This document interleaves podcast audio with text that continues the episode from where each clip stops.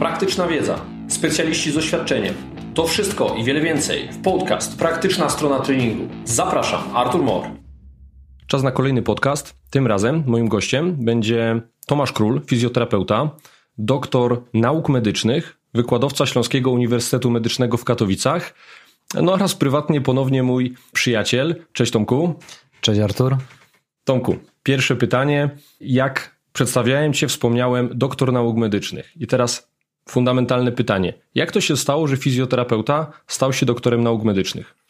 No właśnie, to jest dobre pytanie. Generalnie czasami pacjenci, jak przychodzą do mnie po raz pierwszy, to myślą, że jestem lekarzem. Oczywiście nie jestem lekarzem, jestem fizjoterapeutą. No jak to się stało? Generalnie tak się ten mój rozwój zawodowy potoczył, że po studiach, studiowałem na AWF-ie, około tam rok po studiach praktycznie, trafiłem na Śląski Uniwersytet Medyczny w Katowicach. Był wtedy ogłoszony konkurs. Ja myślę, że taka praca na uczelni była taką wymarzoną wtedy pracą dla wielu z nas. To jest trochę takie nobilutujące, no nie? Tak, tak, tak. Generalnie no wiele osób wtedy myślało, że to jest takie złapanie Pana Boga za nogi, nie? No, Okej, okay, no już, tak, już się uśmiechamy. No i no dowiedziałem się, że jest konkurs na, na Śląskim Uniwersytecie Medycznym w katedrze fizjoterapii, no więc myślę tak, no złożę papiery. Nie myślę, że się uda. Natomiast no tak się, tak się złożyło, że się udało.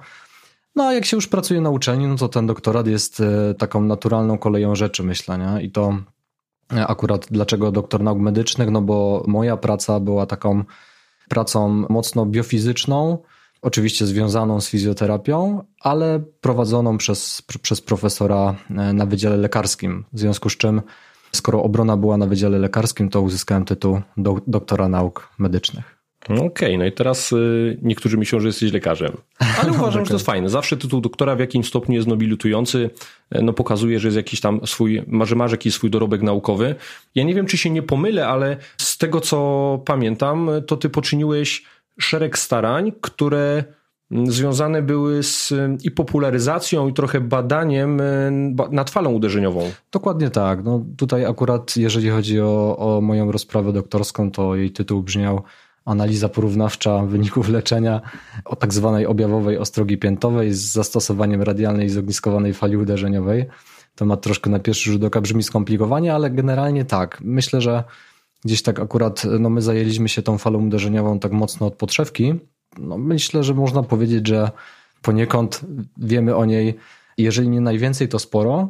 E, dlatego, że poczyniliśmy właśnie szereg badań związanych właśnie z takim sprawdzeniem, rzetelnym sprawdzeniem, czy to faktycznie działa w konkretnych jednostkach chorobowych, z którymi przychodzą ludzie do fizjoterapeuty. No, no i, i okazuje co? się, że to, no, generalnie myślę, że ta skuteczność, jeżeli chodzi o taki zabieg zachowawczy, jeżeli mamy skuteczność na poziomie 70-80%, to i tak jest bardzo, bardzo dużo. Tak, to na pewno jest wynik imponujący. W ogóle w fizjoterapii jest część, która związana jest z fizykoterapią, z różnymi takimi zabiegami za pomocą różnych sprzętów, akcesoriów, ciepła, zimna, prądolecznictwa. To teraz taka porcja praktycznej wiedzy. Co jest godne uwagi, co jest warte stosowania w terapii, a co tak naprawdę jest niczym więcej jak placebo. Według ciebie.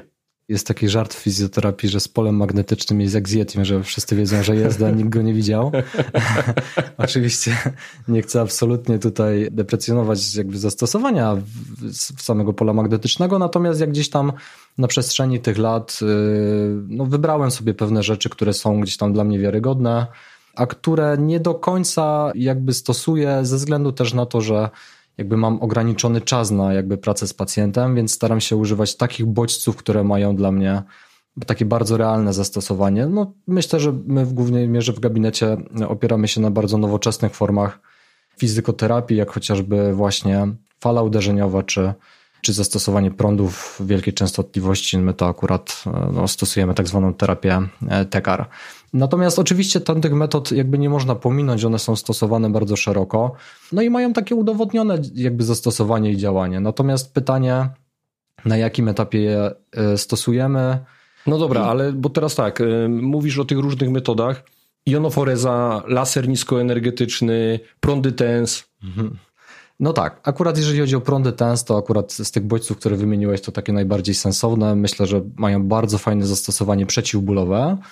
Natomiast jeżeli chodzi o, o, o tamte pozostałe, no, no tutaj trzeba powiedzieć jasno, jeżeli chodzi o laseroterapię niskoenergetyczną, to głębokość wnikania takiego lasera jest bardzo, bardzo mocno ograniczona.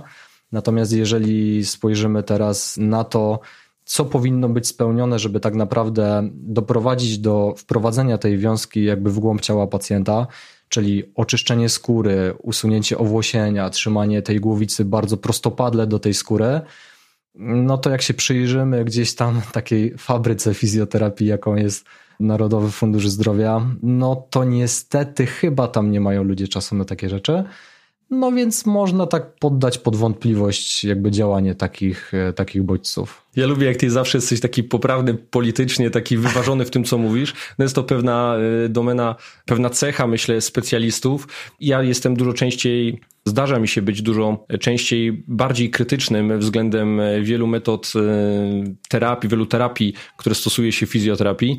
No okej, okay, powiedziałeś e, tak, jak to powiedziałeś. jest wskazana. Niech tak pozostanie. Tak ja mógłbym wymienić z takich rzeczy, które według mnie działają na podstawie gdzieś evidence-based medicine, na podstawie gdzieś jakiejś tam mojej praktyki, czy, czy rozmów ze specjalistami z branży, no to ta fala uderzeniowa bezwzględnie tutaj będzie wiodła prym, laser wysokoenergetyczny, e, tak faktycznie jest. gdzieś tutaj może fale radiowe o częstotliwości tak około 44 tysięcy tak. E, herców. To są rzeczy, które gdzieś tam faktycznie mogą działać ja, się, ja dopatruję się też takiej zależności, że jeżeli jakiś zabieg kosztuje dosłownie 7 zł, jest tak wyceniany według Narodowego Funduszu Zdrowia tak. i sprzęt do niego kosztuje 5 mm, tysięcy, no to jest całkiem spora szansa, że mówimy o placebo. No pamiętaj też, że na te zabiegi trzeba bardzo długo czekać w Narodowym Funduszu Zdrowia, dlatego y, mogą sprawiać wrażenie, że działają. Oczywiście nigdy nie pozostawiałbym terapii, samej fizykoterapii, prawda? Oczywiście jeżeli, nie. To... Tak, jeżeli połączymy te bodźce, jak najbardziej będzie to sensowne. Natomiast sama fizykoterapia w wydaniu takich właśnie e, zabiegów, o których wspominaliśmy, no według mnie no też nie jest, e, żeby nie było, że nie jestem krytyczny, to powiem tak, według mnie nie jest to do końca sensowne. I no i w końcu jesteśmy zgodni. Dobra, Tomaszu, Powiedzieliśmy sobie o Twoim doktoracie. Rozmowa w ogóle o tych elementach fizykoterapii e, wywiązała się z Twojej pracy doktorskiej. Pozostańmy przy uczelni. Moje pytanie, Dlaczego na tej uczelni zostałeś? Ja wiem, jak wygląda Twój grafik. Wypchany jest po brzegi. Pacjenci mają już naprawdę bardzo duże czasy oczekiwania na wizytę. Mm, nie takie jak w NFZ-cie. Niemniej, Jeszcze. niemniej ten okres oczekiwania na taką konsultację z Tobą jest naprawdę długi. Dlaczego Ty jesteś na tej uczelni? I, I, teraz to nie jest tylko moje pytanie, bo tak się złożyło, że również twoja żona chciałaby poznać e, odpowiedź na to pytanie. Także e, w jej imieniu pytam cię Tomaszu, dlaczego jesteś na uczelni? Z powołania. to znaczy, wiesz, to, to nie jest też do końca tak, że ja po prostu zostałem na tej uczelni, bo ja skończąc AWF praktycznie rok pracowałem no, w, w zawodzie fizjoterapeuty już gdzieś tam w prywatnym gabinecie, jeszcze nie, nie, jakby nie moim, ale już troszeczkę w innym stylu niż to się odbywa w Narodowym Funduszu Zdrowia, ponieważ jakby no, nie do końca sobie wyobrażałem siebie właśnie pracując w takiej, no jak to nazwałem czasami, to troszkę może brzydko zabrzmi, ale troszkę takiej fabryce, gdzie nie ma takiego bardzo indywidualnego podejścia do pacjenta. I wtedy, no wiesz, młody człowiek, który gdzieś tam zaczyna swoją karierę, który jeszcze nie ma takiej grupy pacjentów, który ma jakieś tam ambicje, ma jakieś zainteresowania takie związane z nauką, związane no, z samym zawodem, to myślę, że dla takiej osoby taka praca na uczelni jest wtedy no naprawdę takim strzałem w dziesiątkę, dlatego że ona pozwala ci na chociażby zrobienie doktoratu, ona ci pozwala na, na to, że pomimo tego, że jesteś na pełnym etacie, to, to tak naprawdę jak ten grafik zajęć masz gdzieś tam dobrze ułożony i nie masz nadmiaru obowiązków innych niż, niż dydaktyka, to pozwala ci na pracę właśnie jakąkolwiek inną, chociażby prowadzenie gabinetu. Dlatego wtedy to, e, wtedy to było takie, no, no myślę, że no po prostu strzał dziesiątka. No oczywiście z biegiem czasu się to zmienia, dlatego że no na tej uczelni, jak gdzieś tam się rozwijasz, to zaczynasz e, być dostrzeganym w kontekście różnych obowiązków innych, gdzieś tam a to powołanie do takiej komisji, a to powołanie do takiej komisji. Jak jesteś tylko, jak jesteś magistrem, to jeszcze nie opiekujesz się pracami magisterskimi studentów. Jak już jesteś doktorem, to już się opiekujesz. E, Trzeba to, ci tego było? A to prowadzisz jakieś gdzieś tam koło naukowe i tak dalej, i tak dalej. No w związku z czym potem się tego zbiera, zbiera, zbiera, no i faktycznie potem się robi troszkę problem. Jak idzie zatem jeszcze twoja, taka, taki twój rozwój indywidualny, rozwijasz tą praktykę, stajesz się gdzieś tam, mam nadzieję, coraz lepszy, coraz bardziej skuteczny, ludzie zaczynają to dostrzegać i doceniać, no to faktycznie robi się troszkę problem, no bo generalnie doba ma tylko 24 godziny, tydzień ma tylko 7 dni, przydałoby się jeszcze kiedyś odpocząć, a tak naprawdę w zasadzie mogę powiedzieć, że od października gdzieś tam do, do połowy grudnia praktycznie nie mam dnia wolnego, no i, łącznie z weekendami. I widzisz, no i trochę sobie odpowiedziałeś, nie? Jakby z, dlaczego jesteś na uczelni? Może dla, dlaczego ja w ogóle to pytanie zadałem? Pewnie tak moje jest. pobudki były zupełnie inne aniżeli twojej żony. Hmm. Moje pobudki, albo to, co kierowało mną zadając to pytanie, to był jeden prosty fakt. Hmm. Będąc dobrym specjalistą, hmm mając takie obłożenie jak ty, ta uczelnia na tym etapie, ona ci już nie rozwija. Powiem więcej. Ja patrząc na program nauczania, który w tej chwili, może nie w tej chwili, bo nie zaktualizowałem swojej wiedzy na stan dzisiejszy, natomiast stan, jaki był 5 lat temu, wiem jak wyglądał. To jest beznadziejny plan nauczania, który u podstaw jest nie taki, jak powinien. On nie jest cały zły, tak? On ma te fundamenty, które są w pełni zasadne, ale tak naprawdę fizjoterapeuta kończący studia, nie wiedzieć czemu, nie jest przygotowany do skutecznej pracy w zawodzie. On nie jest kierowany tak, jak być powinien. I teraz czy, czy taka praca daje satysfakcję? Bo według mnie nie. Powiem więcej. Praca ze studentami, no i wiem, jak ja byłem studentem, ona też y, często nie jest y, czymś y, bardzo satysfakcjonującym. Mhm. To znaczy, znowu będę dyplomatą, to nie jest tak, że wszystko jest źle. Troszkę się gdzieś tam już pozmieniało, chociażby to, że zauważ, że w zasadzie już teraz Krajowa Izba Fizjoterapeutów stara się gdzieś tam podnieść rangę tego zawodu. E, zmienił się troszeczkę system nauczania, to znaczy nie ma już w tym momencie studiów e, dwustopniowych, czyli licencjatu i magisterki, tylko są pełne studia magisterskie. Oczywiście to, to też nie jest tak, że wszystko się zmieniło na dobre, tak? bo są jakieś tam rzeczy, które na pewno wypadałoby skorygować. Natomiast yy, pamiętaj, że generalnie jakby praca z ludźmi i praca z takimi gdzieś tam młodymi ludźmi, tym bardziej jak trafiasz na takich ludzi gdzieś tam chłonnych, takich zainteresowanych, takich ciekawych, jest zawsze satysfakcjonująca. Chociażby jak prowadzę zajęcia gdzieś tam na, na przykład na pierwszym roku, prowadzę gdzieś tam pierwszy wykład, mam wtedy jakieś tam 180 osób na sali. Ja jestem generalnie twardo stąpającym po ziemi człowiekiem i pomimo tego, że wykłady są obowiązkowe, to, to zawsze mówię, to jest wasza rzecz, czy przychodzicie, czy nie jesteście dorośli na przykład na drugi, trzeci, czwarty wykład przychodzi ci może nie 180, ale 170, 160 osób, to jakby o czymś świadczy. To jest sukces. Tak, no i to jest jakby satysfakcjonujące. Oczywiście, e, no wiadomo, każdy, i ja i ty byliśmy studentami, tak, więc wie, wiemy, że to jest tak, że nie wszystkie rzeczy do nas trafiają, czasami po prostu jesteśmy dość dużymi ignorantami, czasami pewne rzeczy na pewnym etapie po prostu my nie doceniamy, tak. Ja chociażby y, z tego, co, z tego, co widzę, to to w zasadzie, jak tak sobie myślę o mojej przeszłości, to, no to nie doceniałem takich rzeczy jak fizjologia, jak biochemia. Traktowałem to troszkę jakby jak konieczne zło i tak naprawdę muszę ci powiedzieć, to tak trochę taka spowiedź, można powiedzieć, że. Zostanie ja zasadzie, to między nami. Tak, tak, tak, dokładnie. Ja w zasadzie byłem bardzo leniwym studentem. Ja się gdzieś tam obijałem i, i w zasadzie y, otarłem się o warunek z anatomii. W końcu jakby udało mi się wybronić. Natomiast powiem Ci szczerze, że to był dla mnie wtedy taki bodziec i taki bad, który po prostu zmienił wszystko i praktycznie od, od drugiego roku już miałem stypendium. Po prostu zabrałem się do roboty. Do pewnych rzeczy po prostu gdzieś tam trzeba dojrzeć. To i tak e, szybko ci poszło, jak po no pierwszym no tak, roku. Tak, ale to nie zmienia faktu, że jesteśmy troszkę selektywni. Nie? Jesteśmy gdzieś tam, nie potrafimy pewnych rzeczy wyłapać, dostrzec, docenić. No ja tak patrzę sobie na studentów, no wiesz jak to jest. Generalnie są zainteresowani, i są tacy, którzy są tam nie wiadomo czemu, i są tacy, u których już występuje pewien przerost formy nad treścią, to znaczy uważają, że to, co ty do nich mówisz, skoro jesteś na uczelni, to znaczy, że to jest jakaś głupota i, i, i w zasadzie na pewno to, co ktoś im powie gdzieś tam na jakimś szkoleniu czy, czy kursie. Ale zobacz, to, to przekonanie skąd się wzięło, nie? No tak. I teraz, gdybym ja miał się do tego ustosunkować, to trochę w tym prawdy jest, bo oczywiście są wyjątki. Natomiast ja ten temat będę zaraz rozwijał z jakiegoś powodu mhm. ten fizjoterapeuta, który powinien być na dobrą sprawę jednym, no, najlepszym specjalistą od aparatu ruchu, powinien go doskonale potrafić obciążać, odciążać, powinien manipulować tym aparatem ruchu jak chce. On kończąc studia, on właściwie nie potrafi pracować z tym aparatem ruchu. Może jeszcze w kontekście jakiejś terapii manualnej trochę tak, jakiejś podstawowej, nie mówię o jakichś totalnych rzeczach, które mają marginalne zastosowanie typu ugól, ćwiczenia gdzieś tam w odciążeniu, ale on nie potrafi wykonywać podstawowych ćwiczeń z tym y, często z pacjentem, tak? On nie potrafi odpowiednio aktywować tego aparatu ruchu.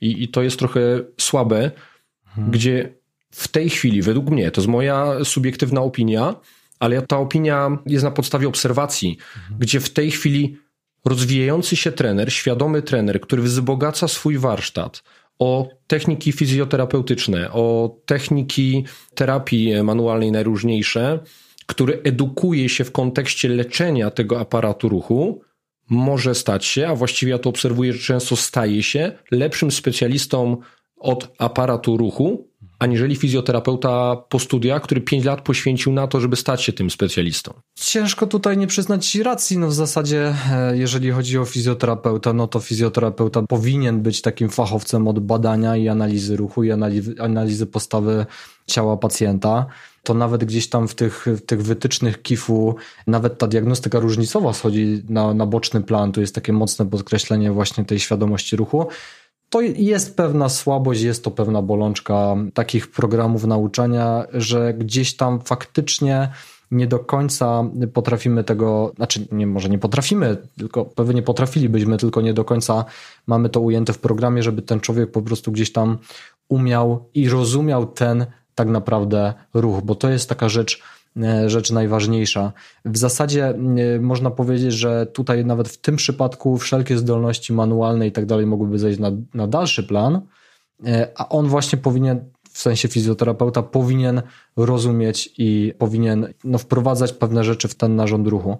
To ja ci jeszcze powiem jedną mhm. rzecz. Ja często jak rozmawiam z fizjoterapeutami czy trenerami, oni pytają się mnie, co jest najważniejsze, na co zwrócić uwagę, jak rozwijają swoją karierę to ja im mówię o dwóch rzeczach i jedna z tych rzeczy jest e, zaczerpnięta od tego, od ciebie. Kiedyś mi o tym powiedziałeś, teraz pewnie nie pamiętasz, ja to przytoczę.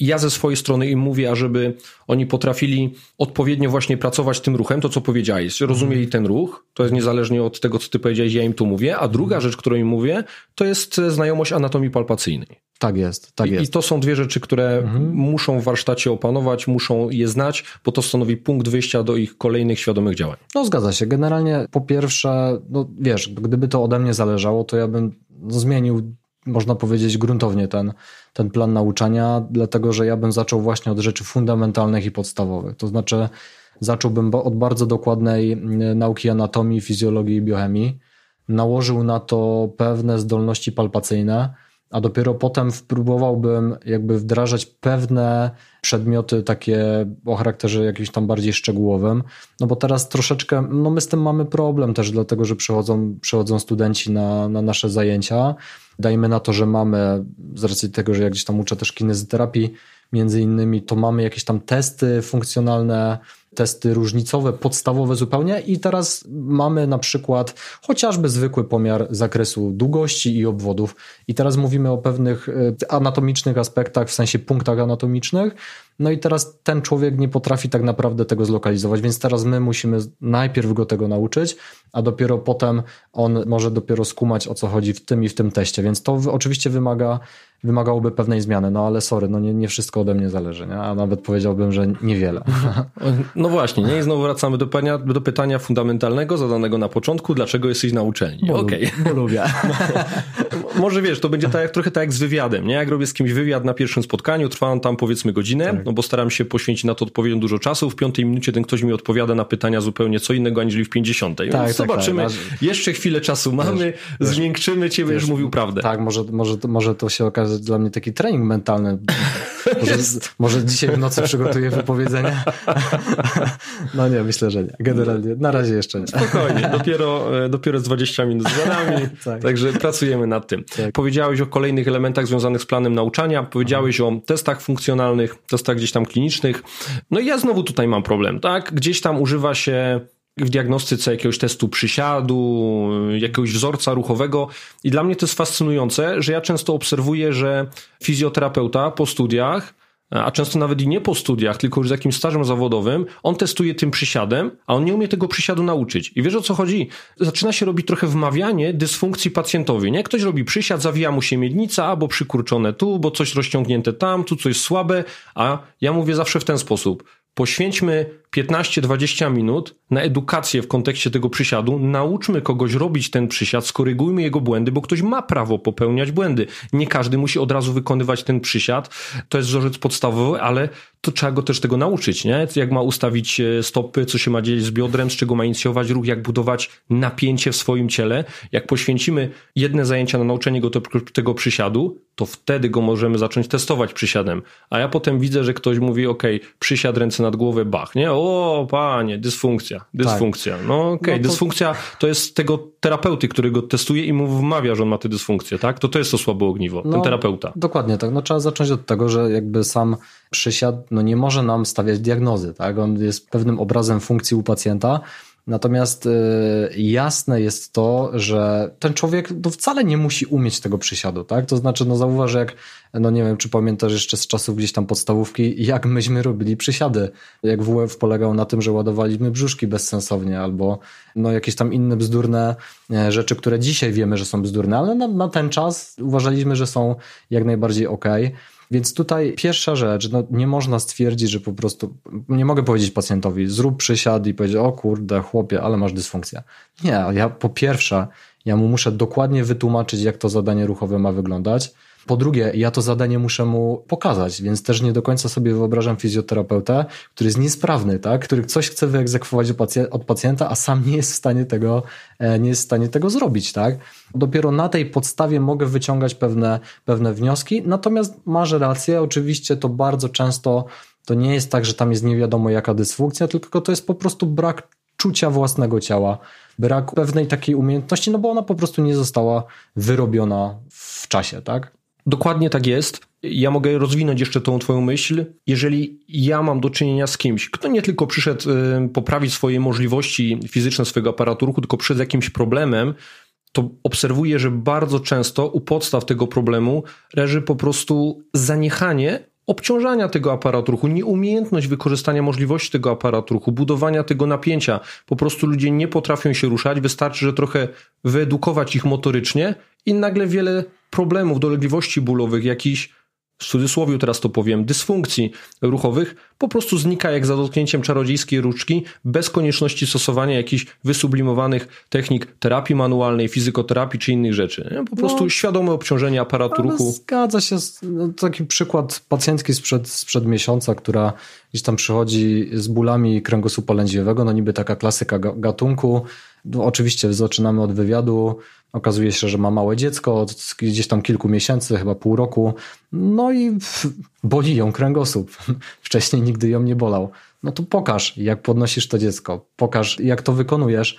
No i oczywiście, no fatalnie gdzieś tam, no, brak kontroli zupełnie odcinka lędźwiowego totalnie jego złe ustawienie. No gdzieś tam jak weźmiemy ten ciężar dziecka, które już w tym momencie waży pewnie gdzieś tam około 8 kg, e, no to robi nam się porządna dźwignia, no to jak to ma nie boleć?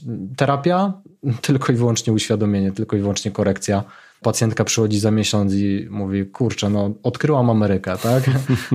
Nic mnie nie boli. No, to, to nie było machnięcie czarodziejskiej różdżki, tylko po prostu właśnie edukacja, edukacja uświadomienie. Oczywiście, że tak.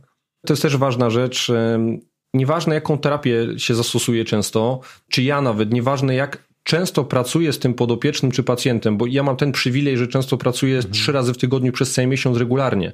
Mm, wydaje się, że to jest dużo. Względem na przykład y, tego, co ty robisz tak, względem wizyty ortopedy mhm. to jest y, niebotycznie więcej, natomiast to cały czas jest nic, względem tego, co ktoś robi na co dzień. No bo jeżeli u mnie jest trzy razy w tygodniu po godzinie, a 8 godzin dziennie regularnie przez 6-7 dni w tygodniu spędza czas w jakiejś niekorzystnej potencjalnie dla niego pozycji, no to gdzieś te adaptacje ze strony aparatu ruchu, te patologiczne obciążenia, no będą występowały i nieważne co ja zrobię, nieważne co ty zrobisz i nieważne co zrobi ortopeda, bo te czynniki środowiskowe przeważą. No absolutnie, oczywiście, że tak. No wystarczy, że spojrzymy na pacjenta, który na przykład przychodzi z, z bólami głowy, nawet korzystając z naj, jakby najprostszej teorii punktów spustowych gdzieś tu tam z górnej części trapeziusa i tak dalej, robimy mu, nie wiem, świetną terapię, pacjent wychodzi po prostu przeszczęśliwy, nic go nie boli, za tydzień wraca z tym samym problemem. Dlaczego? No bardzo możliwe, że dlatego, że po prostu w pracy siedzi jak ostatnia łajza, tak? I generalnie ciągle gdzieś tam te barki w protrakcji, w, dużym, w dużej elewacji jeszcze dochodzi do tego jakiś tam stres. No sorry, no niestety, jeżeli nie przerwiemy tej pewnej, takiego łańcucha, tak? Pewnego konsekwencji, to niestety on będzie cały czas y, permanentnie do nas wracał. Więc ta edukacja jest ultra ważna, tak? Ale to się zaczyna już na poziomie wywiadu, tak? Ja zawsze podkreślam, że ten wywiad jest po prostu takim najważniejszym elementem naszej paradoksalnie też terapii, tak? Bo my musimy takie rzeczy po prostu wyłapywać, bo inaczej nie będziemy skuteczni. Takie pytanie, bo ludzi coś boli, pojawia się hmm. ból i teraz oni stają przed pewnego rodzaju wyzwaniem, nie boję się użyć tego słowa. Czy udać się do fizjoterapeuty, czy udać się do ortopedy. Dla nich to jest wyzwanie, bo oni nie wiedzą, tak? Czy ten problem jest już na tyle poważny, żeby iść do ortopedy, mhm. czy można pójść do fizjoterapeuty, bo problem jest bardziej funkcjonalny. Oczywiście, jak dzieje się jakiś uraz, tak? Narty, zerwanie więzadła krzyżowego, tak. no to tu nie, nie ulega to wątpliwości, tu potrzebna jest interwencja ortopedy, nie? Ale czy, czy w jaki sposób byłbyś w stanie im pomóc, kiedy i jakie decyzje podejmować? No tutaj jakby wymieniłeś jedną z podstawowych rzeczy, taką najbardziej czytelną przyczyną, z którą powinniśmy się, czy tą dysfunkcją, problemem, z którym powinniśmy się udać do, do ortopedy, właśnie jest uraz. Właśnie w takich sytuacjach, takich jak wymieniłeś, no myślę, że to jest droga, którą powinniśmy obrać e, jak najszybciej. Natomiast trzeba pamiętać o tym, że fizjoterapeuta w tym momencie mm, jest samodzielnym zawodem medycznym, w związku z czym absolutnie każdy ma prawo udać się do niego, czy to ze skierowaniem ze strony lekarza, czy bez tego skierowania. Więc e, to nie jest tak, że idąc do fizjoterapeuty, ja nie mogę iść do ortopedy. Absolutnie to tak nie jest. To powinno się w 100% uzupełniać więc y, zawsze uważam, że gdzieś tam mądry fizjoterapeuta, jeżeli czuje, że coś jest na rzeczy, ma jakiekolwiek wątpliwości, to co wychodzi mu jakby z funkcji, nie do końca jakby pokazuje mu, jaki może być problem ze strukturą, zawsze takiego pacjenta do ortopedy po prostu odeślę. Praca w zespole. O, oczywiście. Niestety jest tak, ja się spotykam z tym y, stosunkowo często, że zdarza się niektórym ortopedom, zwłaszcza gdzieś tam, którzy zostali w takim troszeczkę starym, można powiedzieć, myśleniu, wręcz y, na przykład no, negowanie sensu pójścia do fizjoterapeuty. Nie? Uważam, że to jest nie do końca w porządku. W większości ci pacjenci są spokojnie do takiego leczenia zachowawczego Niekoniecznie trzeba im ordynować jakieś tam leczenie w postaci farmakoterapii, czy jakichś tam zabiegów y, takich powiedzmy sobie artroskopowych. No właśnie, artroskopowych powiedziałeś, ja sobie przypomniałem, że wczoraj, chyba przed snem właśnie przeglądałem jakieś publikacje i nie wiem, czy to było znowu na tym moim często przytaczanym, jednym z moich ulubionych British Journal of Sport Medicine, była pokazana taka projekcja, taka infografika, w której pokazano, jak od momentu, kiedy ta artroskopia się pojawiała, jak ta ilość artroskopii, mhm, artroskopii, tych mało inwazyjnych takich e, zabiegów narastała. I taki chyba taki apex, taki najwyższy punkt był w 2012 roku, a mhm. potem na podstawie zmian w EBM-ie, Evidence-Based Medicine, ta zasadność interwencji zaczęła spadać i jakby tutaj pojawiała się na pierwszym planie ta istota w postaci świadomej fizjoterapii, świadomej mm. pracy ruchem, czy jakąś terapią manualną, która potrafiła być na tyle skuteczna, że jakby nie było konieczności podejmowania mm. tej artroskopii. To było właśnie w kontekście typowo mm. artroskopii i tego, jak często ona występowała. Do 2012 roku to była tendencja narastająca, mm. a potem po dziś dzień jest jakby coraz mniejsza. Tak. No, generalnie super. No, w zasadzie, no, o, słuchaj, no o co chodzi? O to chodzi, żeby człowiekowi pomóc i trzeba obrać jak, na, jak najlepszą ścieżkę dla niego i to jest myślę najważniejsze. Każdy to musi gdzieś tam e, pamiętać o tym w swoim sumieniu. Natomiast wracając do jakby twojego pytania, no kiedy odesłać, no powiem tak, w zasadzie y, powiem szczerze, niekoniecznie nawet myśląc o samym ortopedzie, po prostu myśląc o lekarzu, lekarzu specjaliście, czy chociażby lekarzu pierwszego kontaktu, no to są takie historie, no przede wszystkim dzisiaj no, mamy plagę nowotworów, tak? Y, jak mam pacjenta z historią nowotworową, to ja powiem szczerze, wolę, żeby najpierw on gdzieś tam udał się do lekarza, wykluczył pewne rzeczy o podłożu nowotworowym. Chciałbym, żeby dał lekarz zielone światło na ewentualne podjęcie fizjoterapii. Myślę, że to jest lepszy pomysł niż, niż no, zabieranie się za to od razu, bo pewne rzeczy możemy przeoczyć i gdzieś tam o pewnych rzeczach nie do końca pamiętać. No takie, takie rzeczy typu z takich dysfunkcji, które przytrafiają się często pacjentom, z którymi przychodzą, to symetryczność objawów, tak? Na przykład komuś nagle ni stąd, ni zowąd bez przeciążenia spuchły dwa stawy, tak? O ile jeden, no to mogłem przeoczyć gdzieś tam jakieś tam przeciążenie, jakieś tam nieduże i tak dalej, to o tyle dwa stawy naraz, gdzieś tam jakieś takie objawy. Nieczęste zjawisko. No, nieczęste zjawisko, tym bardziej jeżeli to właśnie, tak jak mówię, występuje symetrycznie, a nagle gdzieś tam się jeszcze pojawia na przykład... I nie było czegoś, co mogło to skatalizować, czyli jak ktoś był tak. na jakiejś wycieczce w górach, Dokładnie schodził tak. sobie z gór i potem zaczęły go boleć no, kolano, no, to, no, to jasne, mamy, nie? No, Ale... oczywiście. Dlatego tak jak mówię, no, pojawienie się takich objawów bez powodu, takim objawem, który też powinien nas zaalarmować, to jest oczywiście też gorączka, nie? która gdzieś tam. E, Stan zapalny ogólnoustrojowy. Dokładnie, która jest, utrzymuje się bez widocznych jakby powodów. Kolejna rzecz, objawy, które występują u pacjenta niezmiennie przez cały dzień, tak? To znaczy nic ich nie różnicuje nic ich nie zmienia. Tak, narząd ruchu zawsze nam daje pewną chwilę wytchnienia. Często ruch potrafi katalizować Oczywiście, ruch, że tak. On jest bardzo dobrym y, takim czymś, co różnicuje mi pochodzenie objawów. Więc jeżeli te objawy występują u pacjenta 24H, no to coś jest nie halo. No taki, taki objaw, na który ja zawsze zwracam uwagę, jak pacjenci mi mówią o bólu, no to pytam, czy przypadkiem nie jest tak, że na przykład ten ból pojawia się o stałych porach, tak? No, gdzieś tam jak się wczytamy w tą literaturę, to się okazuje, że bardzo często nowotwory objawiają się właśnie gdzieś tam o stałych porach.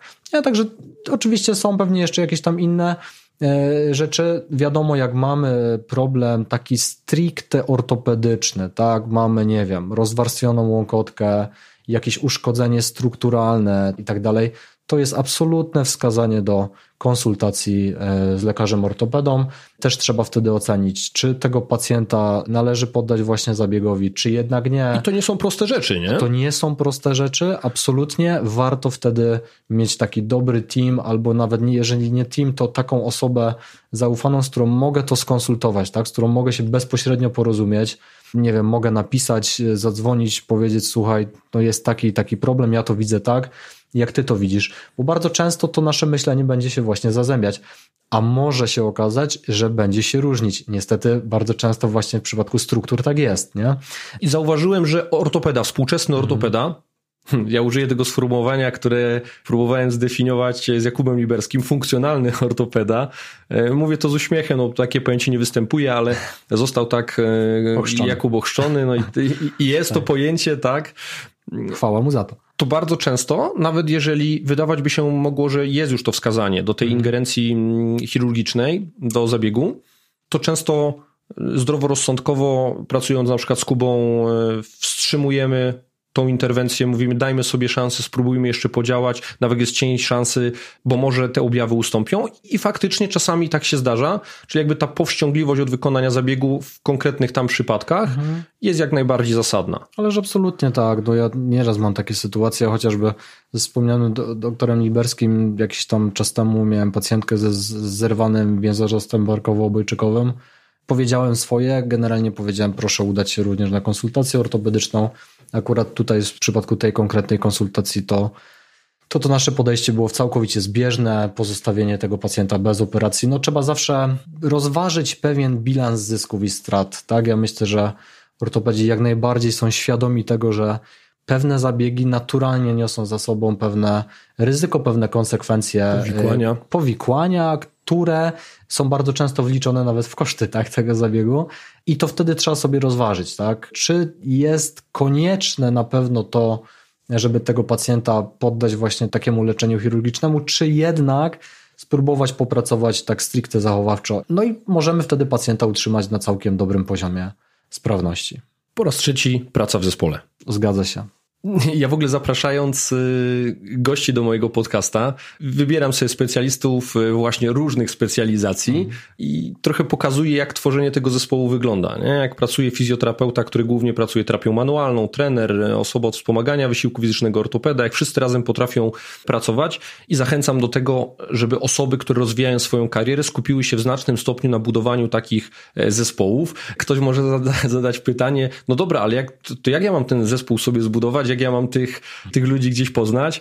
Z Kubą poznaliśmy się w jego gabinecie. E, miałem problem z kolanem skoczka i, i właściwie no Poznaliśmy się, pogadaliśmy, wymieniliśmy się numerami telefonu. Chciałem, ci, chciałem ci przypomnieć, że Czekaj, się. czekaj, czekaj, bo do tego zmierzam. A, a z tobą poznałem się w ten sposób, że no, wiedziałem, że fala uderzeniowa będzie mi potrzebna, więc zadzwoniłem, po prostu w Google poszukałem. E, wyszło mi e, fizjoterapia Tomasz Król, zadzwoniłem, e, zapytałem, czy, czy, czy dysponujesz falą uderzeniową, powiedziałeś, że dysponujesz, no to, to jestem, tak? To jestem i zostałem do dzisiaj. I jeżeli ktoś ma właśnie pytanie, jak się tworzy zespoły, no to musicie postarać się o kolano skoczka.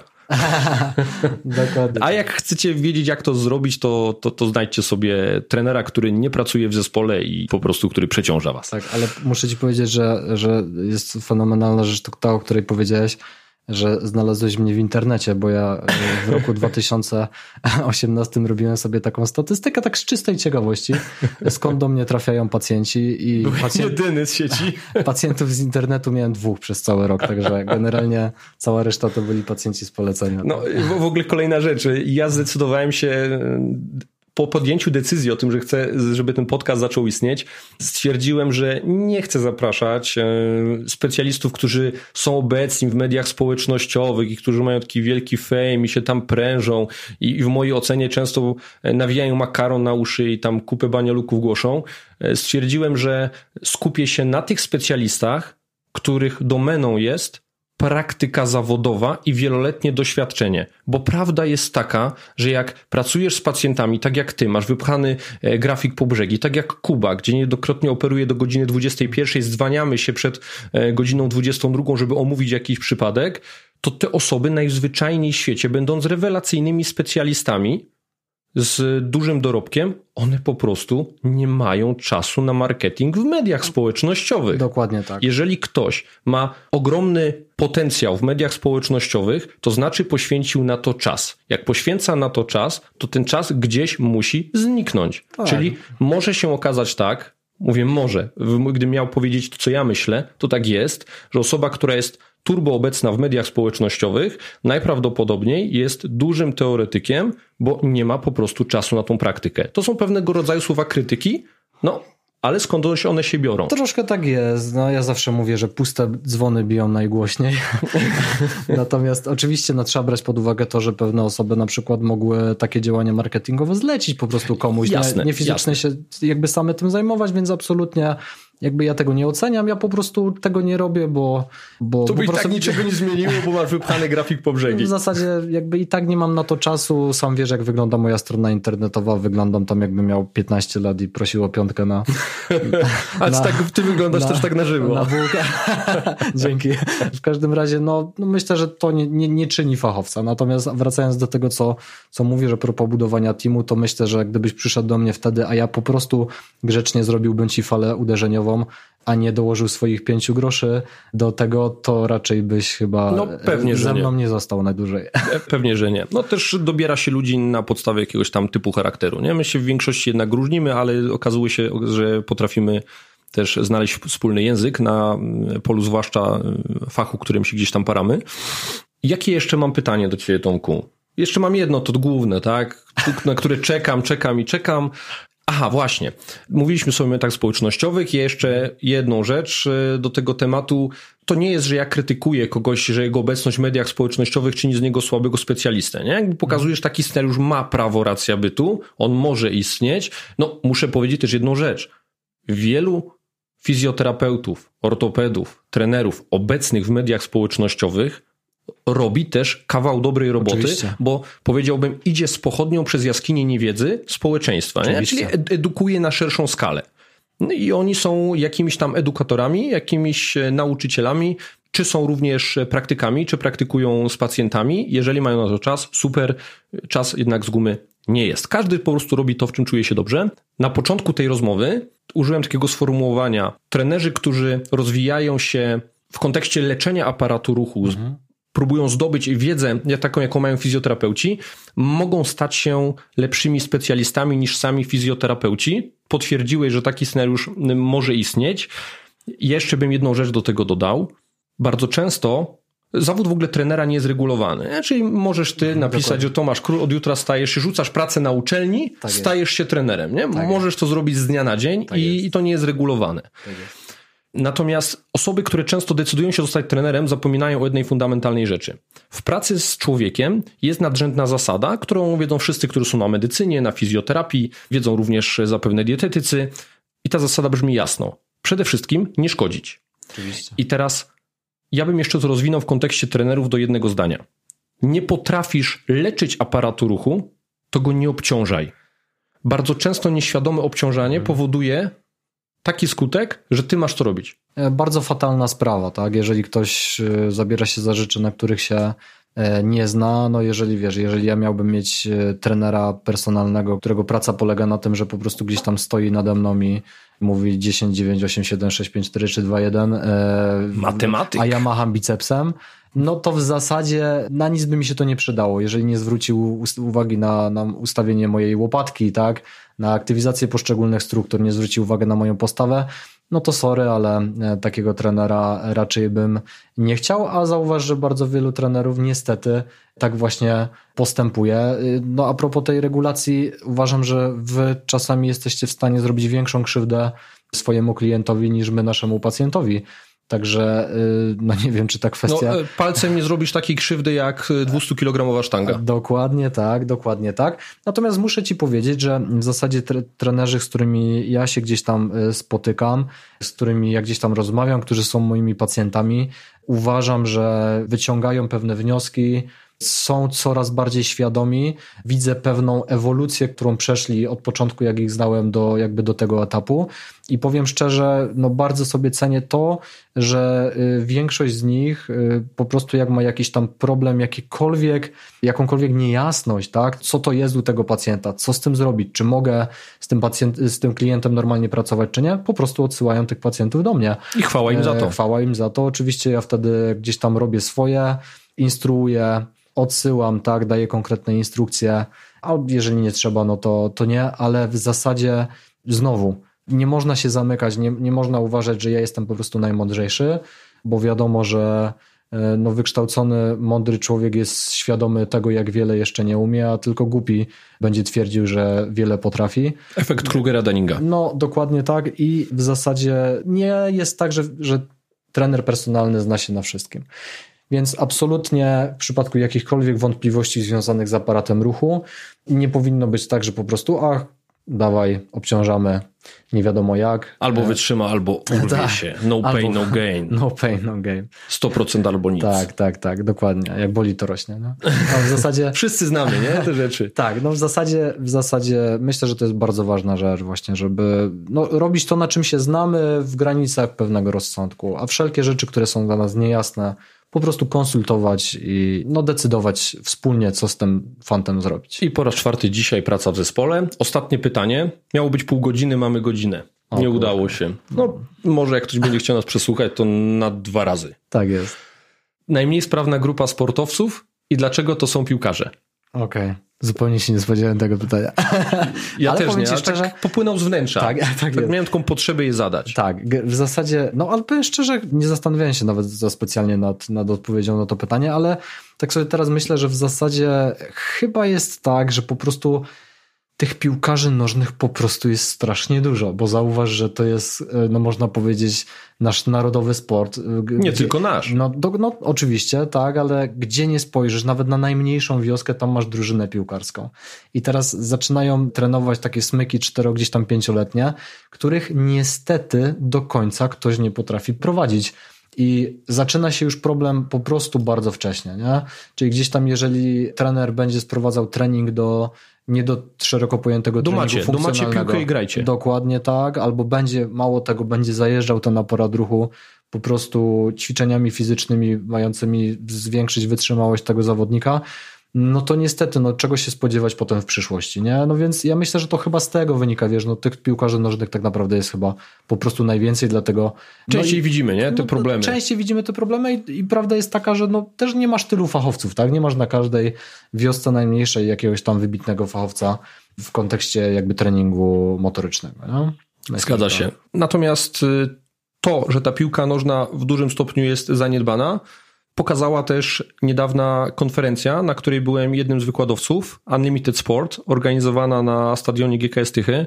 Fajna konferencja, dedykowana piłkarzom, wszystkim osobom związanym ze światem piłkarskim. Były trzy panele, panel techniczno-taktyczny, panel menedżerski i panel medyczno-treningowy. Ja razem z Michałem Puchałą mieliśmy jeden z wykładów. Był również na tej konferencji profesor Chmura, nasz znany polski fizjolog, on również punktował tą piłkę nożną pod kątem takiej małej intensywności gry. Jego wykład był zatytułowany Syndrom niskiej intensywności w piłce nożnej. Ja może trochę przeinaczyłem ten tytuł, ale mniej więcej tak on brzmiał. Ta piłka nożna jest zaniedbana. Jest zaniedbana na wielu płaszczyznach i dlatego ja obserwuję, że to najmniej sprawna grupa sportowców. No, zadaję też to pytanie. Ono oczywiście brzmi tak ironicznie, ale tylko częściowo takie jest. tak, tak. Ja chciałbym zawsze usłyszeć, e, czy, czy moje obserwacje też są słuszne. No, troszkę tak jest. No i pytanie, które również się pojawia e, na moich podcastach, w czasie moich podcastów, żeby nie krzywdzić polskiego. Evidence-based medicine czy doświadczenie? Generalnie, jeżeli chodzi o, o to, myślę, że zdecydowanie podstawą diagnostyki pewnych przewidywań i pewnego wyboru sposobu leczenia absolutnie musi być e, medycyna oparta na dowodach, aczkolwiek w czasie, jak się gdzieś tam rozwijamy, nabieramy pewnych doświadczeń, nabieramy pewnych obserwacji, no widzimy pewne rzeczy, widzimy pewne zależności. To działa dobrze, to nie działa, to się sprawdza, to się nie sprawdza i wtedy następuje pewna korekta, tak? Następuje pewne krytyczne podejście do tego tak zwanego evidence-based medicine, ale to musi być oparte na, na takiej naprawdę... Na dowodach na, naukowych. Tak, na, tak, oczywiście, na dowodach, a potem korygowane na, na, na bazie własnych doświadczeń. Ale to dopiero z czasem, tak? No nie mogę po prostu od tak, e, będąc takim, można powiedzieć, hopem z ulicy, powiedzieć, że wiem, co zrobić, nie? No tak, pewnie nie. Ja to pytanie znowu zadaję z jakiegoś konkretnego powodu. Te odpowiedzi są bardzo podobne. To znaczy, Jakub Liberski udzielił odpowiedzi bardzo podobnej do ciebie, mhm. świeżo po studiach, e, oczywiście EBM z czasem, coraz więcej, a większa komponenta doświadczenia. E, Marcin Gandyk, to samo. E, mhm. Ty, jako fizjoterapeuta, również odpowiedziałeś w ten sam sposób. Trudno się dziwić, bo odpowiedź jest zasadna u podstaw. Nie można się z nią nie zgodzić. Ja natomiast to pytanie zadaję z bardzo prostego powodu. Znowu, w mediach społecznościowych wyrastają jak grzyby po deszczu specjaliści evidence-based medicine tak. bez praktyki, bez doświadczenia, bezkrytycznie, czasami cytując stosunkowo mało wartościowe badania albo w kontekście zupełnie bezzasadnym dla danego problemu. Wydaje się to, co mówię, być bardzo ogólnikowe, Niemniej suche evidence-based medicine jest tylko narzędziem, a to jak je zastosujemy już w dużej mierze determinowany jest przez doświadczenie. Absolutnie. EBM może być tak. doskonałą pułapką, która będzie napędzała złe decyzje, Oczywiście. która będzie leżała u podstaw błędu. Sam wiesz, jak niejednokrotnie są robione badania naukowe, nie? Sam wiesz, że gdzieś tam mamy chwytliwy tytuł, tytuł artykułu, nagle się okazuje, że badania są przeprowadzone na na 20 osobach, albo tam na 10, nie? No, oczywiście, jeżeli chodzi o zjawiska bardzo rzadkie, jakieś tam choroby rzadkie i tak dalej, no to jak tam mamy 10 przypadków, no to jest super. Wyjścia, no. Nie mamy wyjścia. Natomiast jeżeli to jest popularna jednostka jakaś tam chorobowa, no to badania na 10 osobach chyba nie mają do końca sensu. No więc, no tak jak powiedzieliśmy, tak, na początku muszę się oprzeć na EBM-ie, a co się potem będzie działo, to już, y, to już jest kwestia indywidualna. Natomiast oparta oczywiście na, na takiej wiedzy, na przede wszystkim doświadczeniu. Nie? Zgadzam się. Tomaszu, dobrnęliśmy do końca e, naszego wspólnego podcastu. Dziękuję Ci za ten podcast, dziękuję za poświęcony czas. Myślę, że zarówno młodzi fizjoterapeuci i ci bardziej doświadczeni, no bo do nich też e, kierowaliśmy nasze słowa, trenerzy, ale również Twoi pacjenci, moi pacjenci, moi podopieczni wyciągną coś z tej rozmowy. Myślę, że warto. Takiej wiedzy związanej ze zdrowiem naszego aparatu ruchu nigdy dostatecznie wiele a zwłaszcza jeżeli chcemy cieszyć się tym dobrostanem, tymi możliwościami naszego aparatu ruchu przez długie lata, to te fundamenty, o których sobie mówiliśmy, myślę, że one stanowią taki core naszego funkcjonowania. Nie? Ja również bardzo Ci dziękuję, bardzo dziękuję, że miałem ten zaszczyt zostać zaproszony przez I, Ciebie. I teraz do... będziesz w mediach społecznościowych. O, teraz będę w mediach. Ty wyobrażasz sobie te telefony? Oje, NF, zapisy na NFZ mam na już, laser, mam już to będzie nic. Mam już kalendarz na przyszły rok, spokojnie. Znajdzie się miejsce dla każdego. Bardzo dziękuję, no mam nadzieję, że gdzieś tam będzie to z pożytkiem dla ludzi. Oczywiście pewnie doby by nam nie starczyło, żeby tak naprawdę te wszystkie kwestie solidnie omówić, no ale od czegoś trzeba zacząć. Dokładnie. Mam nadzieję, będzie jeszcze nie jedna okazja. Wielkie dzięki i do usłyszenia. Dziękuję, do usłyszenia. Cześć. Cześć.